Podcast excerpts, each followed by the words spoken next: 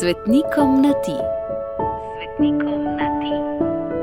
Razmišljanje Gregorja Čušina. Ljubi moj sveti Henrik II. Politiki si bil zapisan že od zibelke dalje.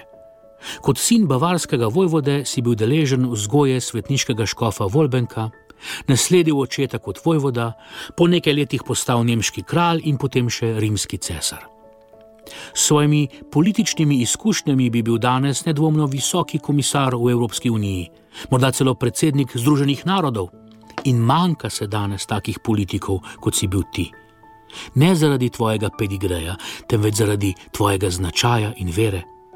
Ker ti tvoje delovanje ni bilo usmerjeno zgolj v utrjevanju zlate kraljeve krone, ki si jo nosil, temveč v doseganju večne krone. S pomočjo in podporo svoje prav tako svetniške žene Konigunde si gradil, danes bi rekli, socialno državo. Postavljal si bolnišnice, sirotišnice, samostane, skrbel za reveže in k temu spodbujal tudi svoje bogate podanike. S svojim življenjem si si, če smem tako reči, kupil nebesa, s svojo smrtjo pa, ker si vse imeti zapustil v cerkvi, še svetniški naziv, če mi dovoliš drobno šalo. Ni enostavno združiti modro vladanje države in osebno pokornost Kristusu, a tebi je uspelo, ker si zares vzel Jezusove besede, da kdo hoče biti največji in prvi, mora biti vsem služabnik. In prav to slednje, služenje, je tisto, kar pogrešam pri tistih, ki nam danes vladajo in nas vodijo.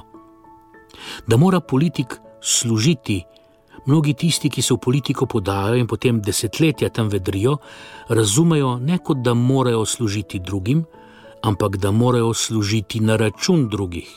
Obup. Še večji obup pa je, da tako menijo celo tisti, ki jih na položaj izvolijo in jih mirno gledajo in prenašajo, medtem ko jim med sladkim besedičenjem praznijo žepe. Ljubi moj sveti Henrik II., obilo žegna za tvoj god, pa nam ga vrni in skupaj s svojo državniško modrostjo in vero izli na nas in dvakrat v svoj žegen na moči naše politike. Gregor.